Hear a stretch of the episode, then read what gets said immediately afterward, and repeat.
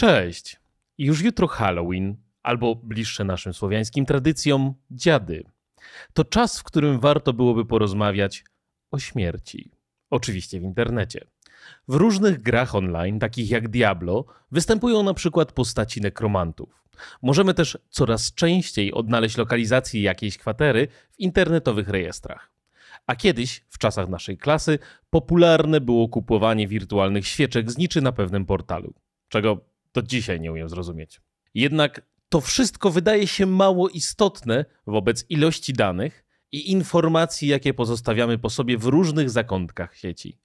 A co się z nimi stanie, kiedy nas zabraknie? Czy nie wszystek umrę? I czy w ogóle warto sobie tym zawracać głowę? Zapraszam.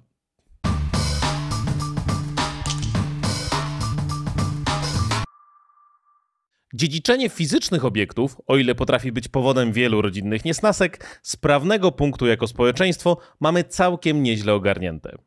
Nie dziwne, spotykamy się z tym problemem przecież od wieków. Nie stanowi więc on dla prawa jakiegoś wielkiego problemu. Po prostu krowy, konie i pola zamieniliśmy na samochody i mieszkania. Ale co z danymi? I w sumie wszystkim, co ma postać elektroniczną? To tak zwany elektroniczny testament. I nie, nie mam na myśli wcale PDF-a podpisanego cyfrowo, oczywiście podpisem kwalifikowanym przez notariusza. Chodzi o wskazanie, co ma się z pozostawionymi przez nas danymi stać, kiedy zejdziemy z tego łezpa dołu. I nie jest to tylko kwestia dania komuś po prostu zawczasu haseł do wszystkich naszych kont. Ba, możemy przecież nie mieć na to czasu. A co jeżeli ktoś zapisze nam coś w takim elektronicznym testamencie? Czy to w ogóle możliwe?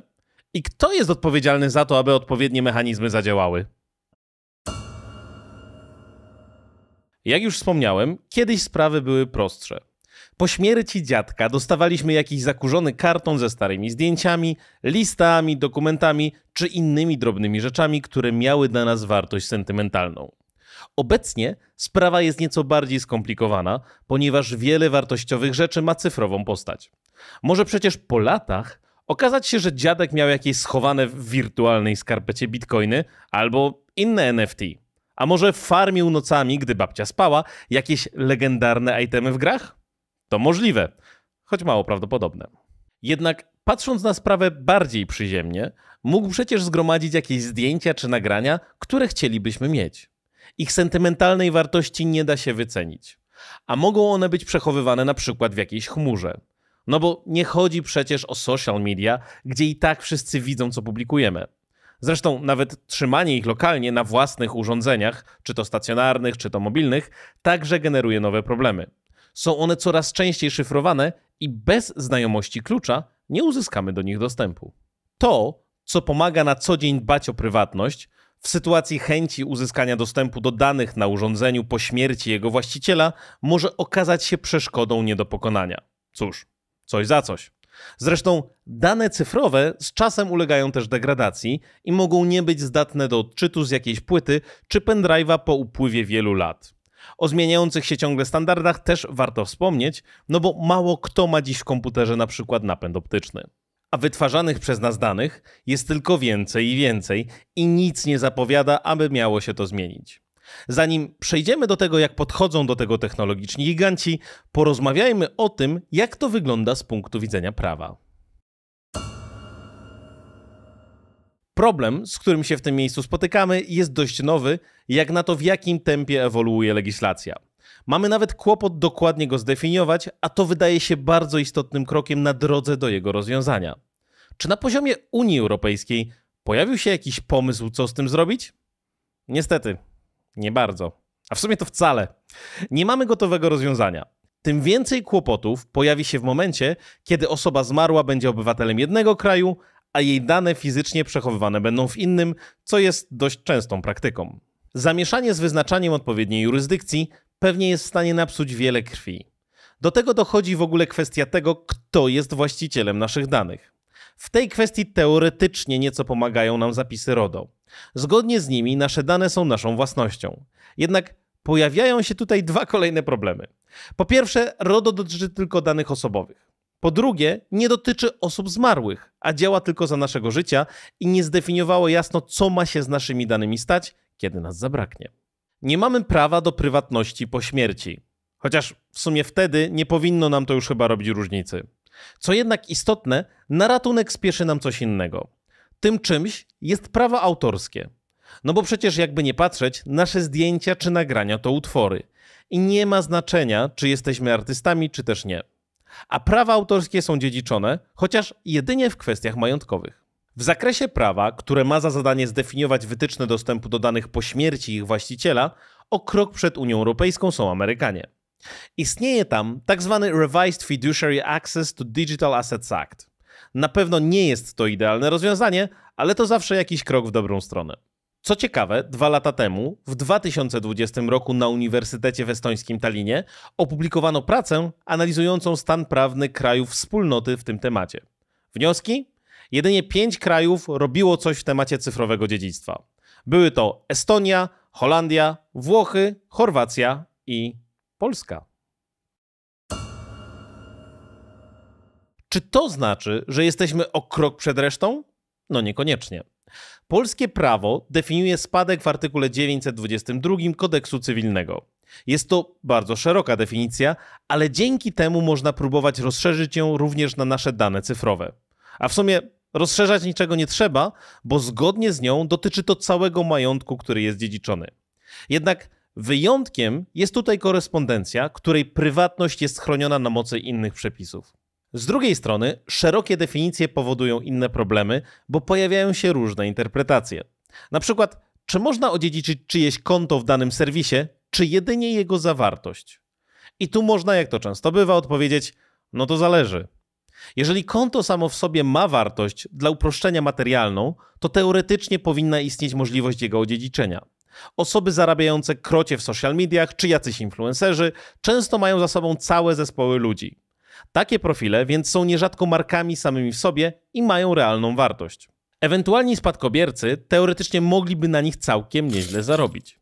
W innym wypadku raczej nie jest to możliwe na kanwie polskiego prawa. Nie jestem jednak prawnikiem, więc jeżeli Was to interesuje, polecam Wam przeczytanie pracy na ten temat, którą podlinkowałem w opisie materiału. Tam problem roztrząsany jest zdecydowanie dokładniej.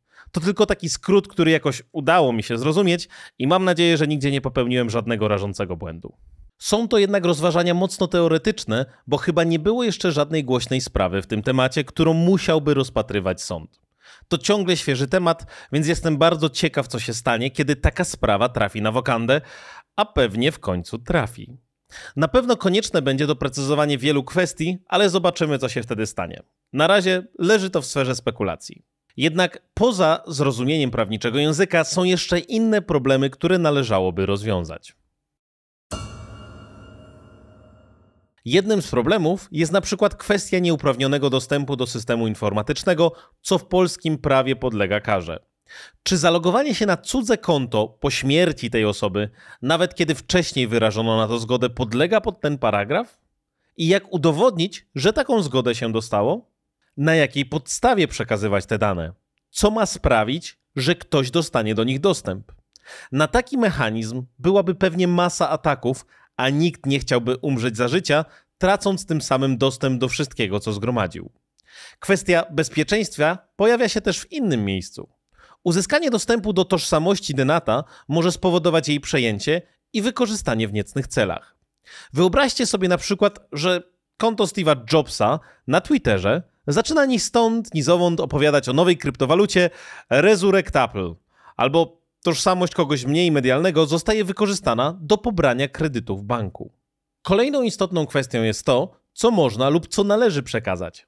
Czy dać dostęp do danych wrażliwych, takich jak loginy i hasła do bankowości, dane medyczne lub podatkowe? Co z korespondencją elektroniczną? Co z danymi zebranymi w chmurach? Można przecież znaleźć tam takie rzeczy, których być może nieboszczyk nie chciałby nikomu ujawnić. W końcu o denatach mówi się podobno albo dobrze, albo wcale. To dość ciekawy problem socjologiczny. Czy pośmiertnie mamy w ogóle prawo do prywatności? Czy posiadamy prawa autorskie do stworzonego przez nas kontentu? No i czy domyślnie takie dane powinny być przekazywane, czy jedynie na nasze wyraźne życzenie jeszcze przed śmiercią? To dość poważny etyczny dylemat. Wydaje mi się, że większość z tych problemów wciąż pozostaje nierozwiązana, ale będziemy musieli się z nimi w końcu zmierzyć. Czy tego chcemy, czy też nie. Udawanie, że problem nie istnieje, wcale nie przybliża nas do jego rozwiązania. To też dobre miejsce, żeby zwrócić uwagę na to, co przechowujemy w chmurach. Czy chcielibyśmy, aby dzieci czy wnuki zobaczyły przykładowo zdjęcia przeznaczone tylko dla konkretnych oczu, mówiąc delikatnie? Tam, gdzie wciąż nie domaga legislacja, próbują coś zrobić platformy, na których przechowujemy swoje dane. Definiują takie przypadki w swoich ogólnych warunkach korzystania z usługi. Wciąż często nie jesteśmy w pełni właścicielami swoich danych, a jedynie ich używamy. Warto o tym pamiętać. Dziedziczyć możemy prawnie tylko coś, czego jesteśmy właścicielami, a nie coś, do czego mamy dostęp. Chyba, bo nie jestem prawnikiem. Ale znaczy to też, że kupione, a raczej opłacone przez nas treści na jakiejś platformie z mediami nie mogą zostać nikomu przekazane dalej. Mowa tu na przykład o muzyce czy filmach. To nie winyl czy płyta kompaktowa, którą możemy po prostu komuś dać. OWU może też stanowić, że w chwili śmierci użytkownika umowa o świadczenie usługi jest automatycznie rozwiązywana. Wtedy takie dane stają się niejako bezpańskie i mogą na przykład zostać automatycznie usunięte. Dla właściciela portalu rozwiązywanie takich problemów wiąże się też ze sporymi kosztami i warto mieć tego świadomość. Dlatego pod płaszczykiem ochrony prywatności swoich użytkowników mogą walczyć z tym, aby tego problemu w ogóle nie musieć rozwiązywać. O ile prawo dyktuje nieźle co i komu powinno zostać przekazane, o tyle to jak to rozwiązać często definiowane jest wewnętrznie właśnie przez dostawców usług. Mogą oni doprecyzować pewne rzeczy, które nie zostały prawnie zdefiniowane z racji sporej inercji w tych kwestiach. Jak więc podchodzą do sprawy technologiczni giganci? Facebook na przykład pozwala na wyznaczenie kuratora naszego profilu po naszej śmierci. Możemy też zażądać usunięcia konta w takiej sytuacji.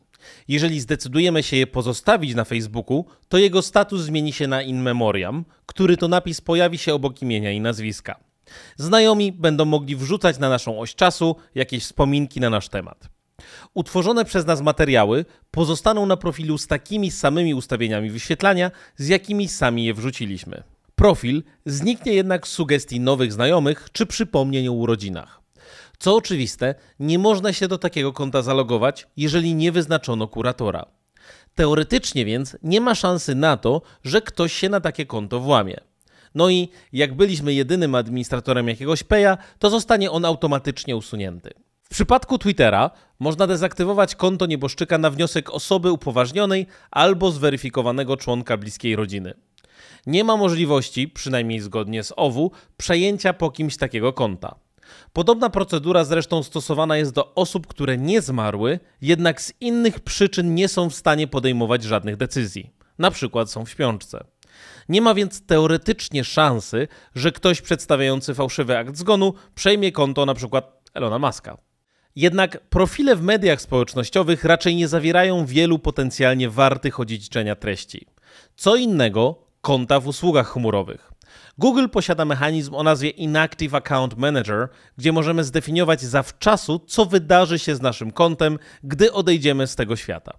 Wskazujemy tam, po jakim czasie nieaktywności mają spróbować się z nami skontaktować, aby uniknąć pomyłki. Podajemy też jakiś kontakt jako swojego powiernika. Możemy nawet wskazać kilka różnych osób. Mamy możliwość per osoba zdefiniować, jakimi danymi chcemy się z nimi podzielić, a nawet ustawić automatyczną odpowiedź w Gmailu, że dane konto nie jest już używane. Zresztą definiujemy ją samemu, więc to całkiem niezłe miejsce na jakiś prank z zaświatów. W szczególnych przypadkach Google może nawet podzielić się danymi z czyjegoś konta z jego bliskimi, o czym piszą w swojej pomocy. Wymaga to jednak potwierdzenia tożsamości osoby zmarłej i praw osób, które o dostęp się ubiegają. Nigdy natomiast nie podają loginów i haseł, co w sumie jest chyba dość oczywiste. W przypadku Apple także istnieje możliwość pośmiertnego usunięcia konta Apple ID oraz zebranych na nim danych na prośbę bliskiej osoby. Ba, można nawet odblokować urządzenie, które zmarły po sobie pozostawił. Ale nie, nie chodzi tu o dostęp do danych na takim iPhone'ie czy iPadzie zebranych i niesynchronizowanych z chmurą. To jest niemożliwe. Da się jednak umożliwić ponowną rejestrację urządzenia w usługach Apple kosztem oczywiście wyczyszczenia go z jakichkolwiek zebranych na nim rzeczy, jeżeli tylko posiadało blokadę ekranu. Mamy też możliwość wskazania opiekuna konta, który uzyska dostęp do danych zebranych w chmurze, kiedy nas zabraknie. Podobnie jak w przypadku Google, takich osób może być kilka. Można wyznaczyć, kto do czego uzyska dostęp i nie muszą to być posiadacze urządzeń z jabłkiem w logo. Co istotne, konfigurując tę opcję generowane są indywidualne klucze dla każdego z opiekunów. Muszą one zostać przedstawione wraz z aktem zgonu, aby mechanizm zadziałał. Można też poprosić o kompletne usunięcie danych. Apple informuje też, że da się wnioskować o taki dostęp poprzez sąd, natomiast na pewno jest to zdecydowanie mniej wygodna droga. W każdym przypadku uruchomienie takich mechanizmów oznacza dość sporo papierkologii. Między innymi konieczne może być dostarczenie aktów zgonu oraz innych dokumentów. No i bardzo dobrze. Mam nadzieję, że nikt nie znajdzie w tych procesach żadnych luk. Nie chcielibyśmy na pewno, aby ten mechanizm był nadużywany przez kogoś, kto chce nam zrobić totalnie nieśmieszny żart. I mówię to ja, z moim pokręconym poczuciem humoru. Co robić i jak żyć? Masz jakieś ważne cyfrowe dane, do których chciałbyś, żeby ktoś miał dostęp po Twojej śmierci? Najlepiej przechowuj je również w wersjach analogowych, szczególnie mowa tu na przykład o zdjęciach. Jeżeli nie chcesz albo jest to niemożliwe, to powinny one nie być przechowywane tylko w chmurze, ale na przykład w jakimś lokalnym backupie. Trzeba też dać komuś zaufanemu klucze do takiego przysłowiowego sejfu. Wtedy nawet w nagłym wypadku będą one dostępne dla kogoś, komu chcielibyśmy je zostawić. Jest to jednak zawsze jakiś kompromis pomiędzy dostępnością a bezpieczeństwem. Warto o tym pamiętać. Zatroszczmy się sami o swoje dane jeszcze przed śmiercią. Zdefiniujmy tam, gdzie to możliwe, zaufane osoby, którym nasze dane zostaną przekazane. Jeżeli serwis nie daje takiej opcji, to na przykład używając menadżerów haseł, mamy możliwość przekazać komuś dane do logowania. To kolejny argument do tego, aby takiego menadżera używać. Nie oznacza to wcale, że trzeba komuś dawać dostęp do całego swojego sejfu za życia.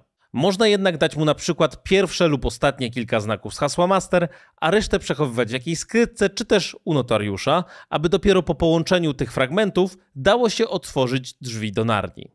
To tak zwany mechanizm dzielenia się sekretami Shamira, wykorzystywany szeroko w wielu miejscach w kryptografii. Warto jednak pamiętać, że powinniśmy też korzystać z uwierzytelniania wieloetapowego, więc musimy znaleźć jeszcze sposób na przekazanie drugiego składnika uwierzytelniającego. Jeżeli tworzysz jakiś serwis, do którego ludzie wrzucają tworzone przez siebie treści, zastanów się, czy posiadasz procedury na wypadek śmierci użytkownika.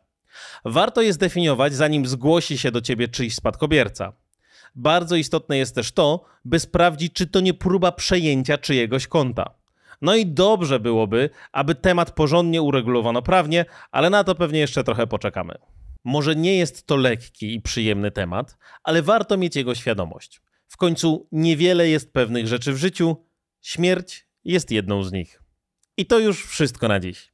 Tymczasem dziękuję za Waszą uwagę i do zobaczenia.